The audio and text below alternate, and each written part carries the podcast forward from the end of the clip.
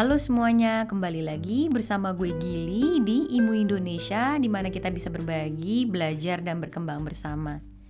Di episode kali ini, gue kedatangan tamu spesial yaitu seorang dokter muda yang bernama Natania Karina. Nama ini tentunya sudah tidak asing bagi sebagian orang yang berkecimpung di dunia musik. Nah, di kesempatan kali ini, beliau membagikan ceritanya dan pengalamannya sebagai seorang edukator musik yang juga ingin melestarikan lagu-lagu anak-anak Indonesia. Nah, penasaran kan? Yuk kita langsung aja. Mundur ya. 3 2 1. Selamat pagi Kakak Halo. Natania Karina. Pagi juga Kak Gili. Apa Oke. kabarnya? Ya baik, apa kabar juga Kak?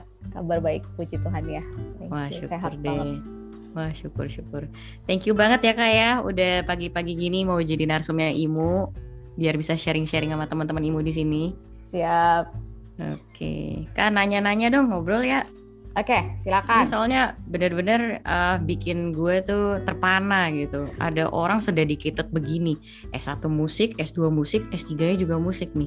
Jadi pertanyaannya adalah sejak umur berapa sih si Kania nih udah mulai belajar musik nih? Eh, kalau umur berapa? The very typical Yamaha Kids lah ya. Jadi mulainya umur 4 gitu. Mulai umur 4, kelas yang grup rame-rame itu dulu gitu. Terus memang eh, berarti ya eh, berlanjut terus aja gitu. Eh, cuman eh, thanks to my mom gitu karena sebetulnya keluarga saya nggak ada yang punya background di musik sih gitu. Jadi berdasarkan ketidaktahuannya dia somehow she put me into this music lesson gitu yang ternyata eh, berlanjut gitu. Sebetulnya pemikiran beliau pada saat itu nggak ada yang eh, maksudnya terpikir anaknya mau jadi musisi atau gimana gitu. Cuman uh, she, she think that it would be a nice addition gitu maksudnya apalagi as a woman at that time I, I guess probably around the 90s gitu kan maksudnya bahwa um, ya kerja kantor tuh sejauh apa sih as a woman gitu. Jadi dia pikir kalau bisa main musik mungkin nanti bisa di rumah sambil ngelesin gitu. Jadi berdasarkan pemikiran itu aja gitu. Jadi dilesin dilesin additional di luar sekolah lah gitu maksudnya pelajaran musiknya. I see. Tapi bervisi dan misi juga ya berarti ya ibunya ya.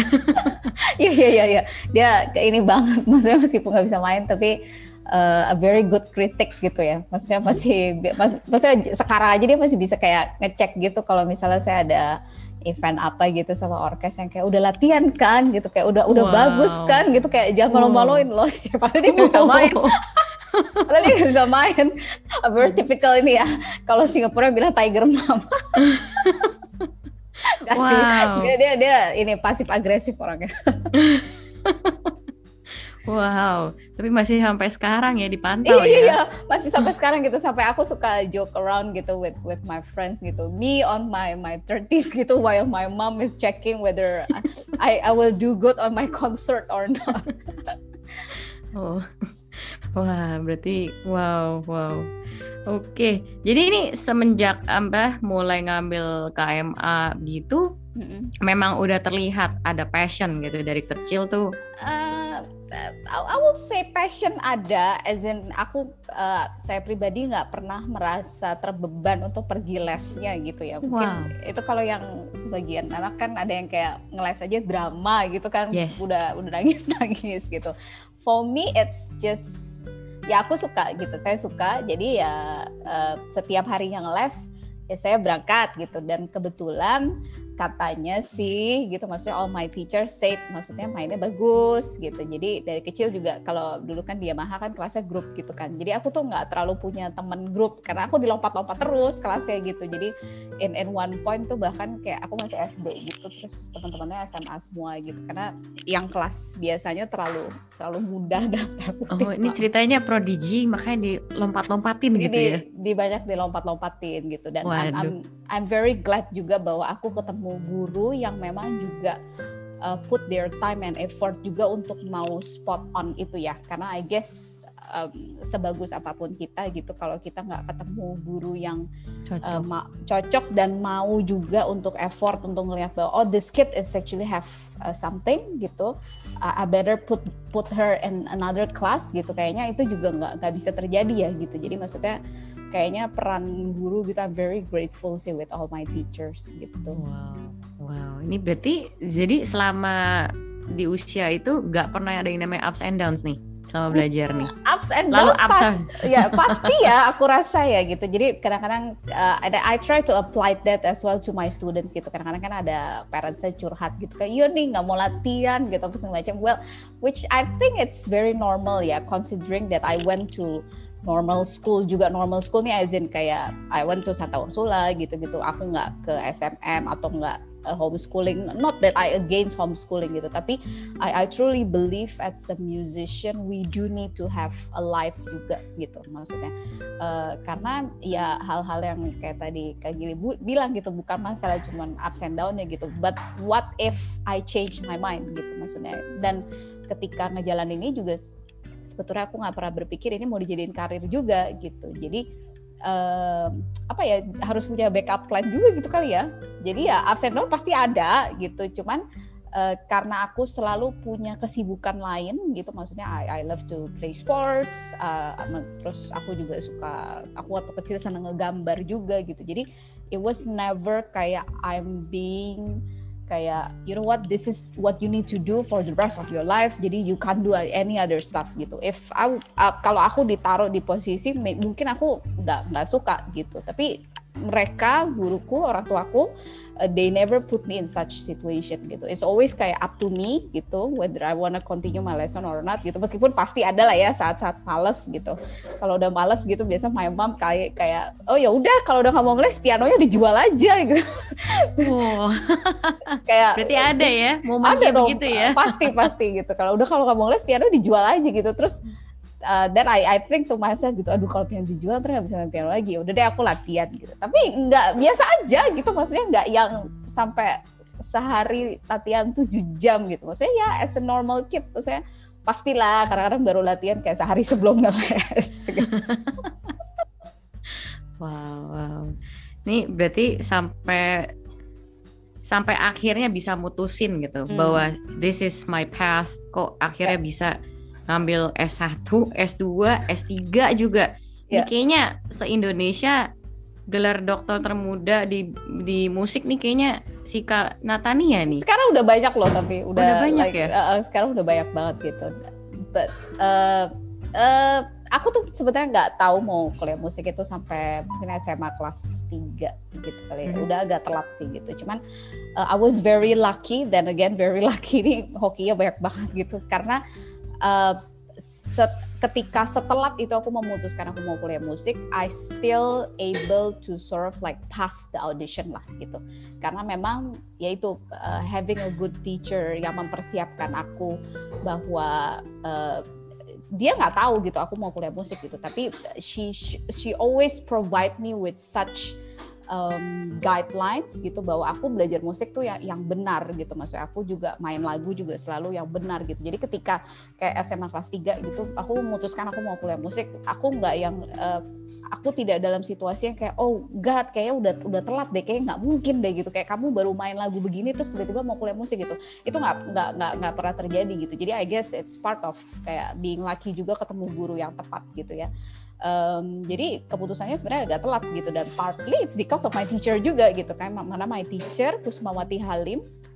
Uh, she's Medanis galak banget typical apa Medanis piano teacher gitu ya.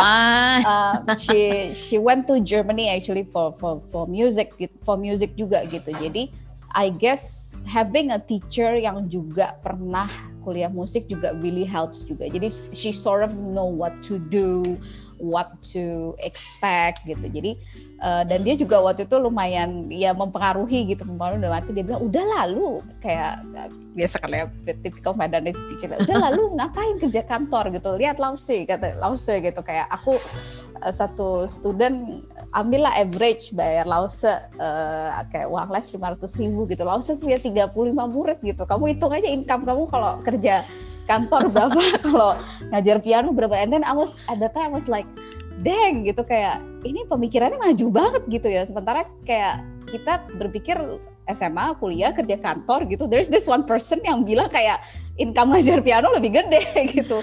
Dan setelah dihitung ya ya benar gitu. Dan I mean dia juga suka traveling banget gitu kayak every holiday kayak she went to Canada or something gitu dan itu inspire me a lot sih gitu bahwa you know what this could be a good apa living gitu maksudnya being being being a teacher being being a musician gitu at that time gitu ya itu berarti tahun 2000 awal banget which I believe belum terlalu banyak lah gitu untuk yang kuliah musik.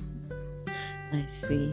Ini sedikit tarik balik tadi uh, Kania sempat mention mendapatkan pengajaran musik yang benar. Hmm. Uh, menurut Kania maksudnya gimana kalau pengajaran musik yang nggak benar atau kurang benar itu seperti apa? Uh, I I don't really believe tuh ada guru yang jelek sih sebetulnya gitu. Tapi um, I always try based on my experience to all my students. Aku selalu bilang ke mereka, I don't really care if you want to be a musician or not. Tapi let's do it right gitu. Let's do it right in a meaning that uh, uh, misalnya satu contoh ya yang apalagi ini yang paling sering terjadi di negara di negara Asia lah khususnya gitu bahwa kita going for piano lesson only for exam gitu. Dan ini menurutku yang salah satu yang uh, I, I wouldn't say tidak benar gitu, tapi very it's very risk it's risky banget kan untuk untuk dilakukan gitu bahwa uh, misalnya at that time during the early uh, 2000 gitu sebetulnya ujian ABRSM itu masih banyak disyaratkan sama kampus untuk jadi salah satu apa ya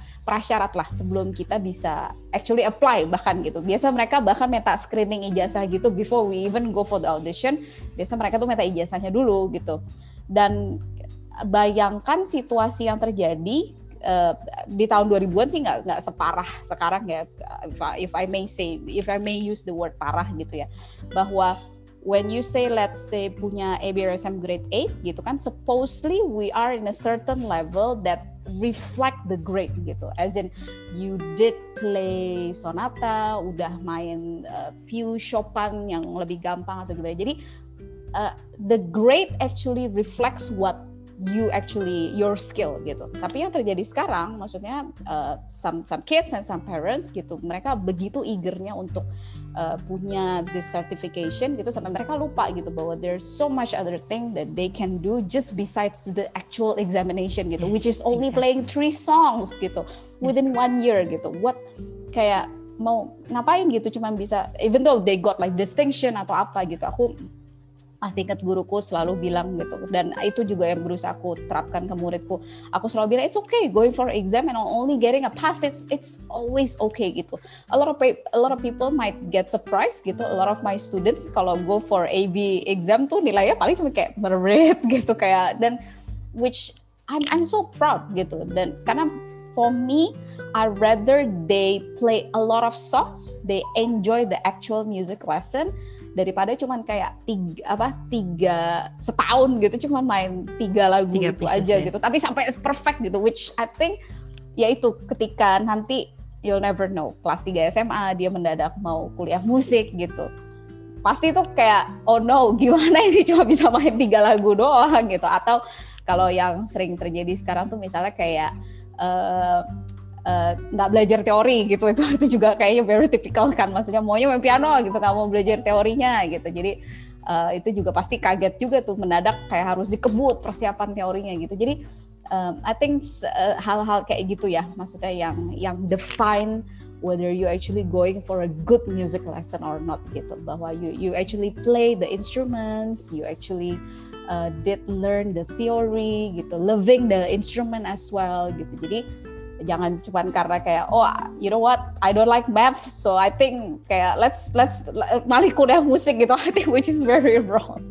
Ya betul betul betul banyak banget masih yang suka apa stigma yang ber, uh, nempel di orang-orang banyak. Hmm. Oh kalau kuliah musik tuh gampang gitu kan. Ya, Padahal. Ya, ya, ya, ya. Dan ini aku udah buktiin sendiri Kak Gili karena kan uh, waktu abis kuliah kan saya pulang ke Indonesia gitu. Saya sempat ngajar di beberapa kampus di uh, di Jakarta gitu. Salah satu apa ya?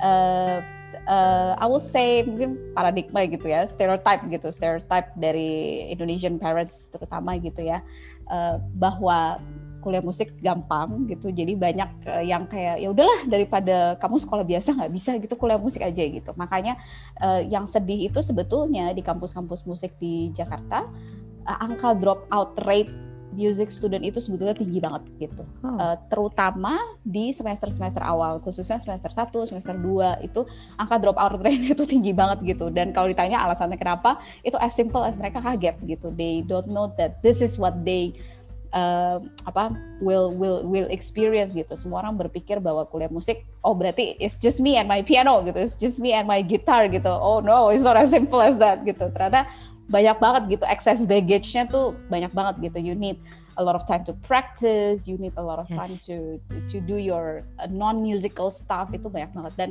yes. at at the end of the day mau kuliah apa pun menurut aku you still kayak butuh banget gitu untuk kayak network with a lot of people which I think juga uh, penting ya for for musician gitu. A lot of musician aku rasa tend to be very individual gitu. Maksudnya nggak nggak spend their time to network, to know yes. a lot of people, which itu nanti aku rasa baru apa jadi bumerangnya ketika udah lulus gitu, karena uh, uh, kita terbiasa banget gitu kan empat tahun gitu lingkungan temannya kecil banget. Kalau faculty music kan selalu kecil gitu. It's probably only 50 or 60 gitu bandingin sama kayak anak-anak computer engineering yang kayak teman seangkatnya 3000 orang gitu.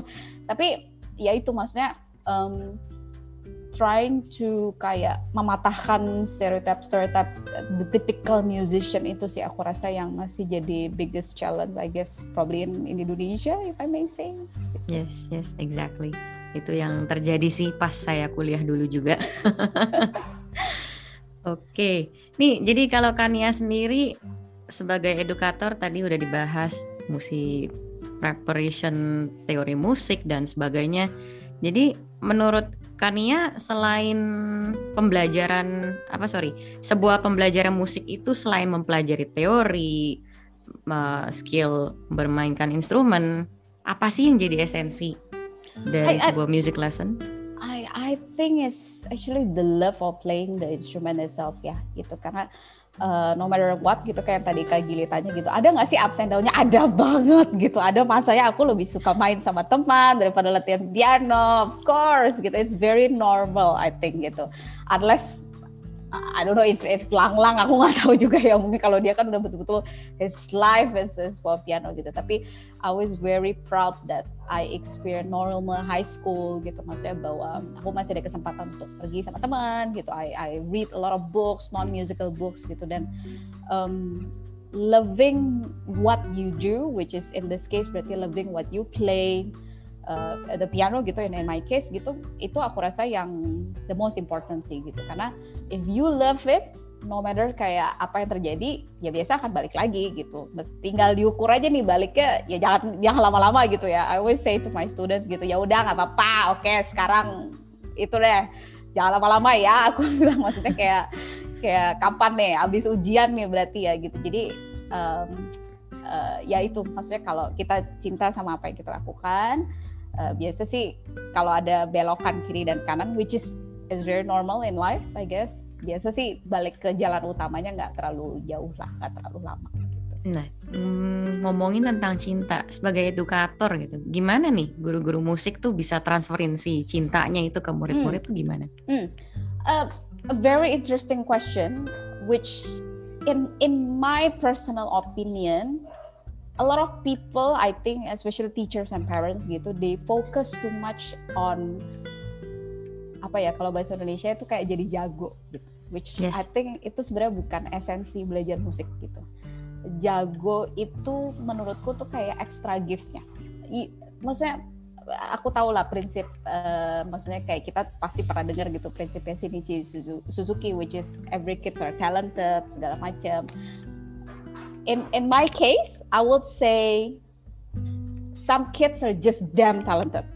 maksudnya kalau if I, maksudnya itu kita nggak bisa bohong ya. Some kids memang they just very different, which is they they have more talent gitu. Tapi the question, the million dollar question will be always will the more talented kids ini akan jadi yang lebih berhasil? Belum tentu. Masalahnya itu dia gitu.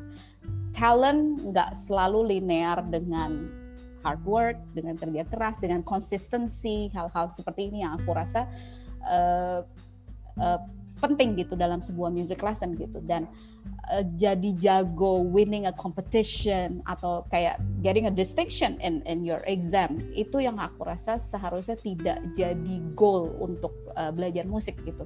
I think the goal of learning an instrument is actually so that in the future you can play it whenever you want gitu. Maksudnya because you love the instrument gitu. Karena um, let's say me now in my 30s gitu nanti when I'm in the 60s I will still able to do that skill gitu. It's a skill to keep for lifetime gitu. My mom always say dia selalu bilang kayak uh, ngelesin kamu nih kayak investment gitu. Supaya kamu di masa depan nih bisa enjoy what you think. Dan I, I totally agree gitu. Meskipun kita pastinya nggak bisa nilai investmentnya secara material gitu ya. I mean of course lah taking piano lesson is always kayak nggak murah gitu kan tapi yes investmentnya itu harus kita anggap sebagai hadiah kali ya, sebagai gift gitu bahwa the the the best gift actually your parents ever give you is actually not that uh, handphone, is not that laptop gitu. So it's actually the skill that you need to survive in life gitu. Dan kadang-kadang surviving life bukan cuma cooking skill gitu bahwa sometimes could be music lesson gitu karena uh, the the kayak um, how how to put it ya. Misalnya ini Kak Gili kayak uh, Kak Giri pasti pernah dengar kan Mozart Effect gitu ya. Jadi hmm. uh, kan kayak banyak kita pernah kita pasti pernah dengar lah ya uh, maksudnya Mozart Effect gitu bahwa listening to Mozart uh, will make you a, a smarter genius. baby gitu atau a, a genius which um, aku rasa banyak orang lupa gitu um, going to piano for a piano lesson for young kids is not that easy gitu. They need to kayak concentrate within kayak 30 minutes period. Di rumah bisa bebas lari-lari ini harus concentrate.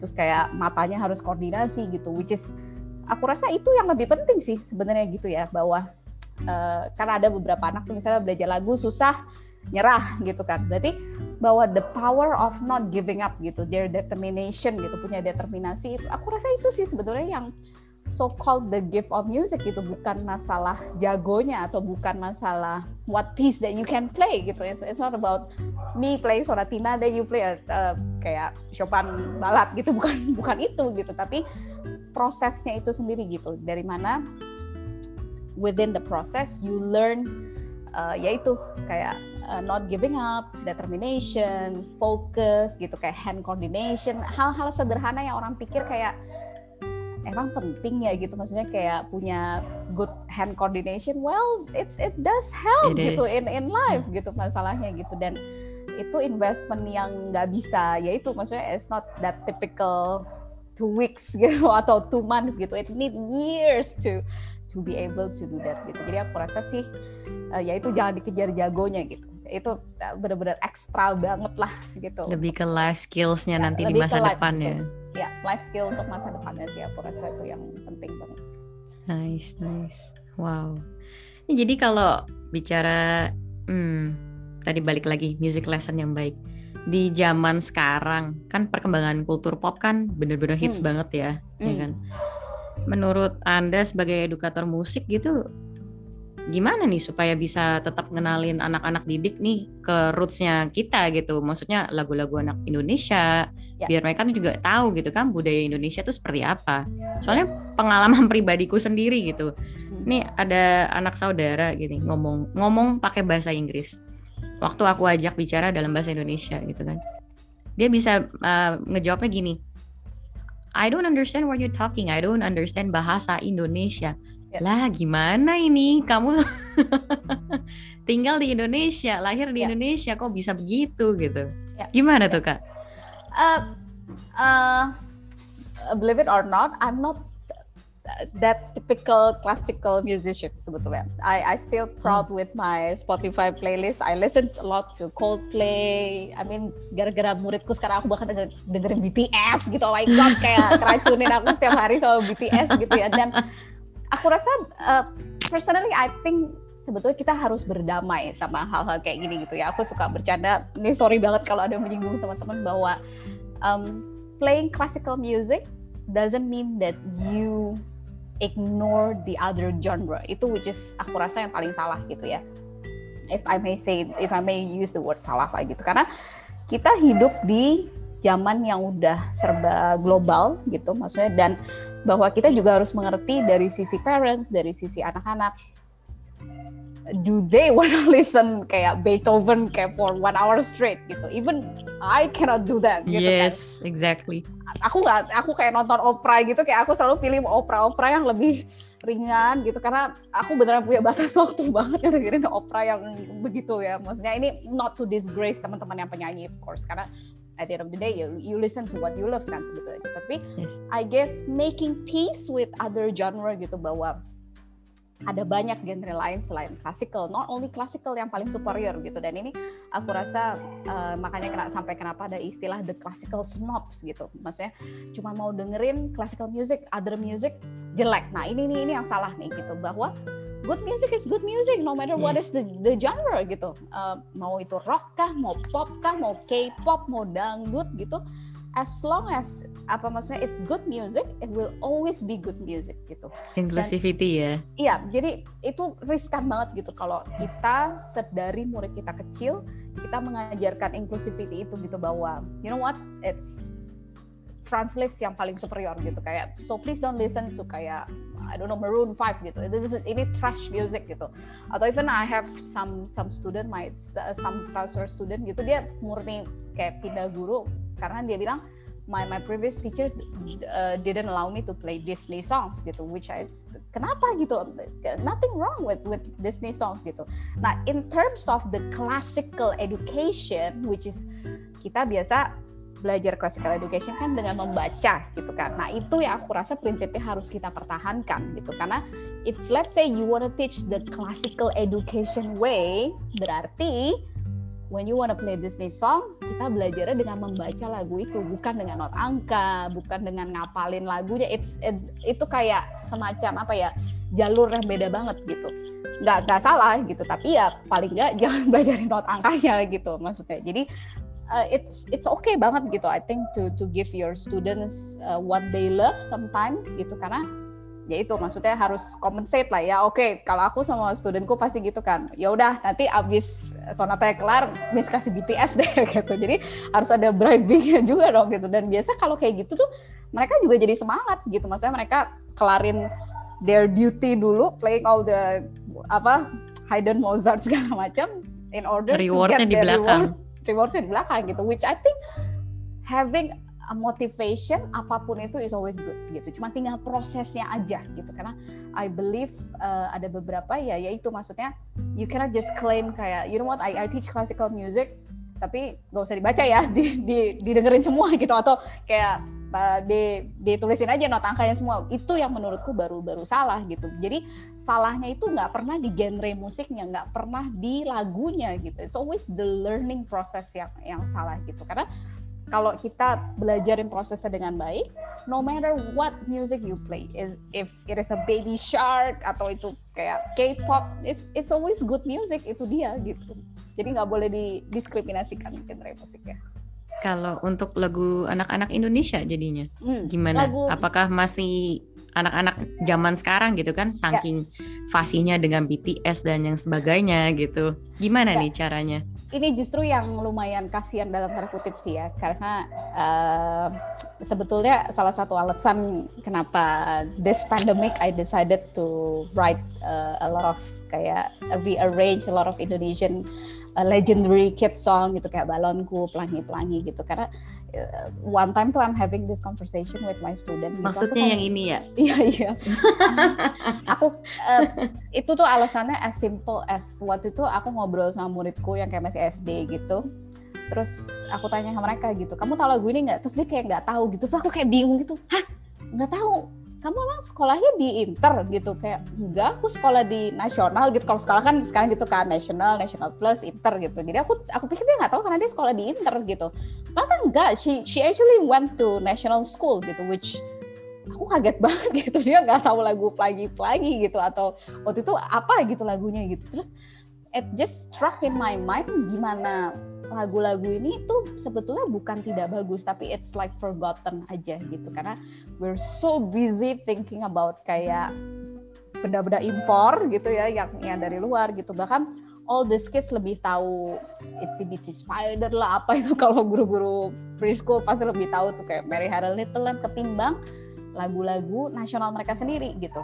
Ya ya it, it truly breaks my heart ya sebetulnya ya. Karena kan nggak ada continuity-nya gitu. Dan uh, it's not because lagu-lagu ini jelek. Bukan karena lagu-lagu ini juga uh, misalnya kurang bermutu dari segi lirik gitu. Karena I true believe juga misalnya for children uh, kadang-kadang ada beberapa yang kita harus uh, batasin juga ya gitu. Kayak for example murid SD ku biasa nggak aku kasih tuh main lagu-lagu Adele gitu. Maksudnya kayak I mean what do they what do they know about broken heart? Kayak kan belum belum saatnya gitu kan. Maksudnya yes betul. jadi lagu anak-anak yang kayak eh, pelangi-pelangi lihat kebunku ini kan very children appropriate kan gitu kan. Dan why we should kayak choose kayak nursery rhyme English nursery rhyme over this gitu. Kayak liriknya bagus, melodinya bagus, diciptain sama Indonesian composer, cuman gara-gara our education system yang membuat lagu-lagu ini jadi terlupakan gitu. Jadi uh, misalnya kayak saya di Trust Orchestra juga gitu gitu. We we we did play a lot of uh, folk music di di Trust Orchestra gitu dan I'm very proud gitu anak-anak bisa bilang kayak gila lagu darah ini bagus banget juga ya gitu. Jadi kadang-kadang not love it is not because you don't love it. It's because you don't know about it gitu. Jadi I guess one of our mission gitu sekarang as, as a teacher sebetulnya ya kita yang harus introduce ini lagi gitu ke mereka gitu. Karena kalau enggak beneran bakal punah. sih. Bakal punah gitu. I would say punah is the word gitu. Karena um, ya nggak pernah ada yang memperkenalkan mereka. Jadi it's not their fault juga untuk tidak mencintai lagu-lagu ini gitu. Karena they don't even know this this kind of song exists gitu. Setelah kita perkenalin apa Indonesian folk song lagu anak-anak mereka baru kayak hey lagunya bagus juga ya gitu. Karena kan selama ini mereka nggak pernah tahu gitu. Ada pun biasa kayak tugas sekolah yang kayak tidak, di, tidak dikemas dengan baik gitu. Maksudnya kayak adanya not angka aransemennya juga kurang bagus gitu. Jadi pemikirannya waktu itu sebenarnya sesimpel itu sih untuk uh, apa uh, ngumpulin lagu-lagu anak Indonesia sama beberapa juga lagu original teman-teman uh, komposer Indonesia.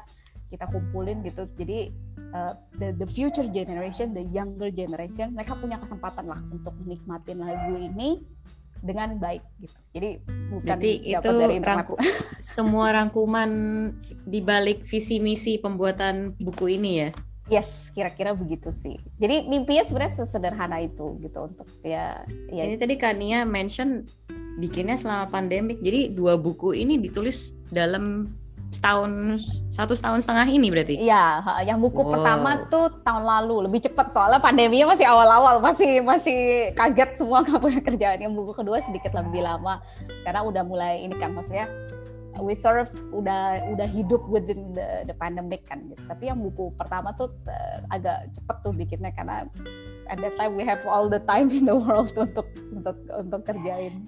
Ini childhood memories nih yang volume 1 ya.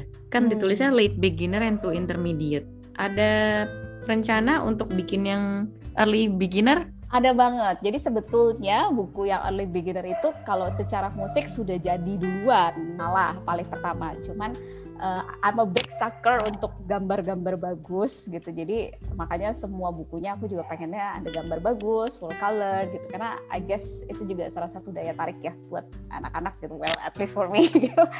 Jadi uh, nah kebetulan uh, ilustrator yang buku pertama itu beda sama dua buku ini gitu. Ah. Jadi dia gambarnya manual pakai pakai cat air gitu. Jadi yang yang buku early beginner ini malah sedikit lebih lama karena gambarnya prosesnya butuhnya lebih lama ternyata. Ah, Padahal kalau secara konten materi lagu sebetulnya dia selesai duluan gitu. Hmm. Tapi karena proses gambarnya lebih lama uh, jadi dia selesainya lebih lama gitu. Tapi oh, I guess wow. we're wrapping up very soon sih. Kemarin kayak udah udah bikin cover.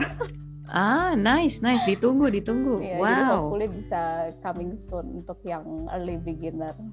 Nice, nice. Nice.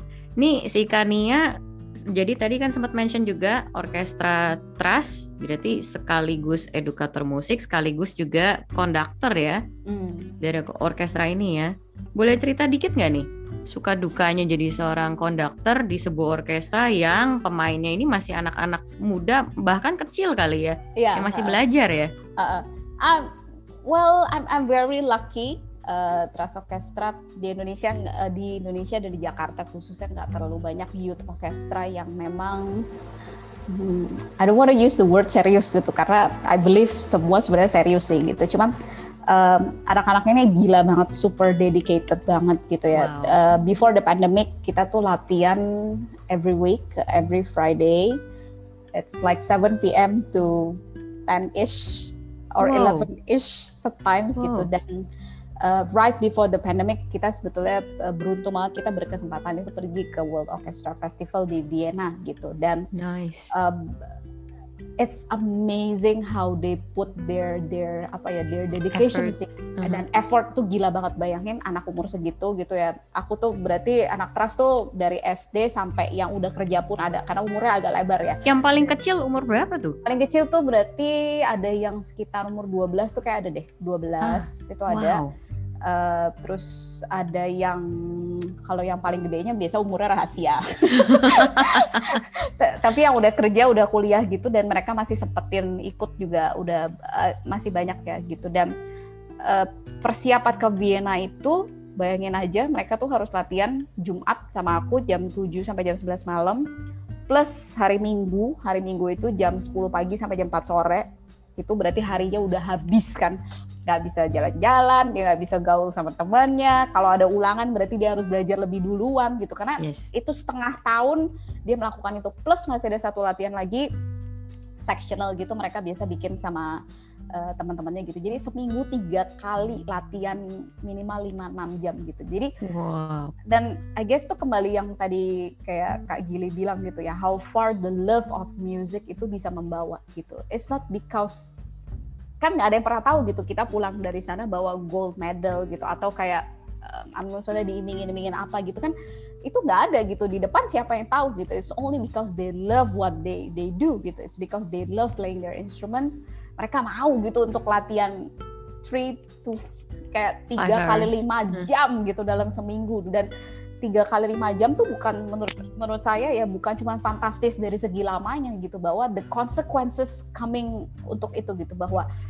berarti mereka hari Sabtu uh, nggak bisa hangout nggak bisa hmm. hangout hari Minggu dia harus ke gereja pagian gitu karena jam 10 udah harus latihan orkes iya kan maksudnya kan nggak bisa gitu kayak uh, kan ini aku aku datangnya telat ya karena aku mau ke gereja dulu. No, you have to go to church earlier gitu at 8 so you can make make it on time for the practice gitu. Terus dia pulang juga pas udah capek, berarti dia harus ngurus ulangannya dia yang hari Senin gitu. Jadi uh, banyak banget gitu pengorbanannya gitu dan I guess sejauh mana pengorbanan itu menjadi pengorbanan tergantung sejauh mana kita mencintai apa yang kita lakukan ini. Kan, yes, gitu. betul gitu. Kalau mereka nggak suka, I guess kayaknya nggak bakal tahan sih setengah tahun, 8 bulan kayak begitu gitu. Karena ya itu pengorbanannya besar banget. Not only for the kids, for the parents as well, I guess. Yes. Gitu. Nganterin, ya kan, kayak nungguin gitu. Kayak itu gila banget sih maksudnya. Uh, wow. Pengorbanan dan dedikasinya ya. Wow, wow. Jadi nih Kania ada nggak wejangan buat teman-teman imu di sini nanti biar kalau misalnya mereka pengen ikut jejak kesuksesan Kania, pengen belajar musik sebegitu determinnya gitu kan S1, S2, S3. Ini kira-kira wejangannya apa nih Kania? Uh, love love what you do actually. Itu kayaknya yang yang, yang paling penting ya dan uh, aku rasa uh, especially in Asia gitu bahwa yang bisa mengukur kesuksesan kamu gitu sebetulnya it's only yourself gitu. Uh, it's never kayak put apa ya underestimate yourself gitu. Maksudnya kayak oh aku cuma bisa begini gitu. Orang lain bisa begitu gitu which um, I would say it's it's the it's, it's a very wrong way to to think about about yourself gitu. Karena uh, every people's success is very different gitu. Let's say gitu ya. Uh, I always told my orchestra kids gitu bahwa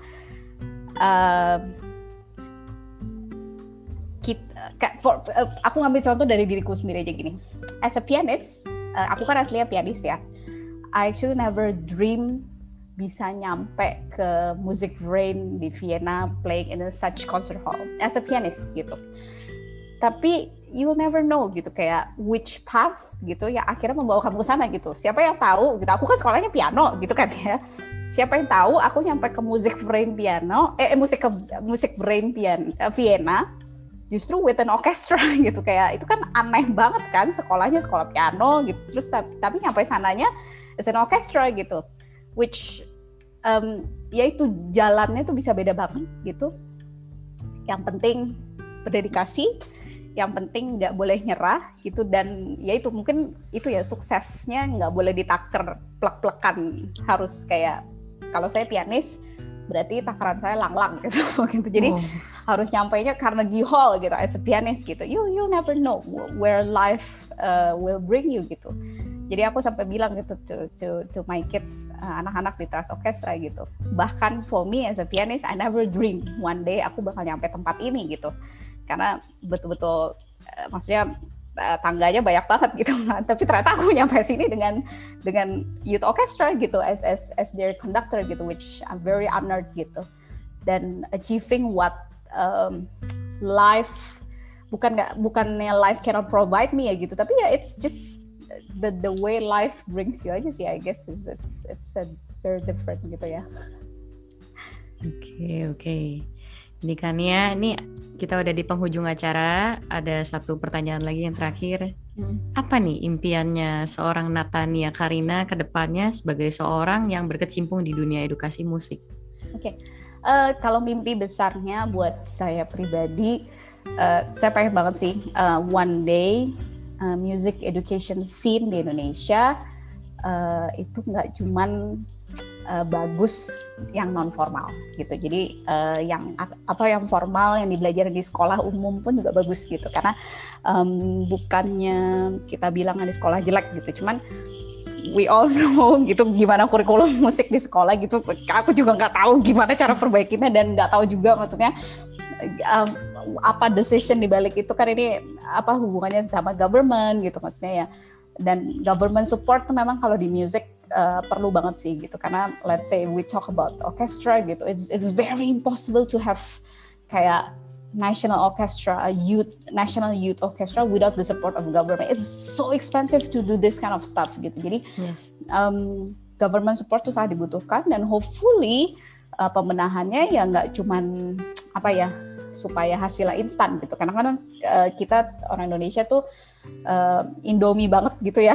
Uh, maksudnya ya udahlah yang penting hasilnya instan gitu. Bikin audisi seluruh Indonesia terus apa gitu ngapain gitu. Tapi kita suka lupa gitu bahwa hasil instan uh, itu doesn't always answer the process gitu. Yang kita butuhkan sebenarnya kan prosesnya gitu bahwa anak sedari SD, SMP, SMA bukannya mau menjadikan mereka pianis profesional atau pemain biola profesional gitu, tapi just learning music in a in a proper way gitu. Karena uh, during this pandemic aku juga banyak dapat uh, murid-murid internasional gitu, lintas negara gitu it's very easy to teach them music gitu karena mereka sudah dapat itu semua dari sekolah gitu. Jadi as simple jadi music lesson itu buat buat buat aku pribadi gitu. Kelas piano itu jadi cuman kayak skill belajar instrumennya gitu. Tapi pengetahuan dasar musik itu mereka udah dapat semua di di sekolah gitu. Dan uh, I hope ke depan itu bisa jadi nggak tahu lah gimana bisa nyampe nya ke sana gitu ya.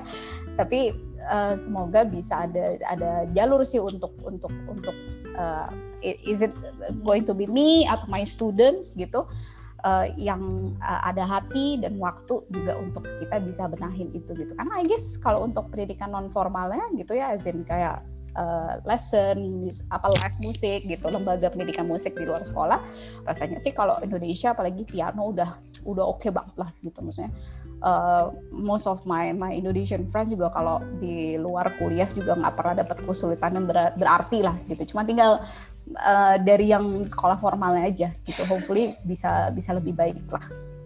Hmm good good good. Semoga tercapai ya dalam waktu dekat. Kania thank you banget buat Sama-sama. waktu dan sharingannya di thank podcast episode kali ini. Nih Kania kalau ada yang nanya nih Gil mau dong. Misalnya gue pengen siapa tahu uh, ikut jadi membernya orkestra apa orkestra trust atau mungkin pengen sekedar bincang-bincang tukar pikiran sama hmm. Kania, bisa hubungin hmm. Kania ke mana nih? Boleh, uh, um, boleh DM saya ke Natania Karina 15. Uh, Instagram saya itu ya? Ya, saya selalu usahain bisa bales. Kalau balasnya lama maaf, tapi I will reply, don't worry gitu. Kalau untuk Trust Orchestra nanti bisa dilihat di Instagramnya di Trust Orchestra. Uh, biasa kita memang segala infonya kita kita post di sana tuh entah itu audition or is it like a workshop gitu atau Kalau ini kan era-era pandemi nih harus dibanyakin banget ya skill up-nya karena kan ya nggak bisa latihan gimana yes. lagi gitu kan.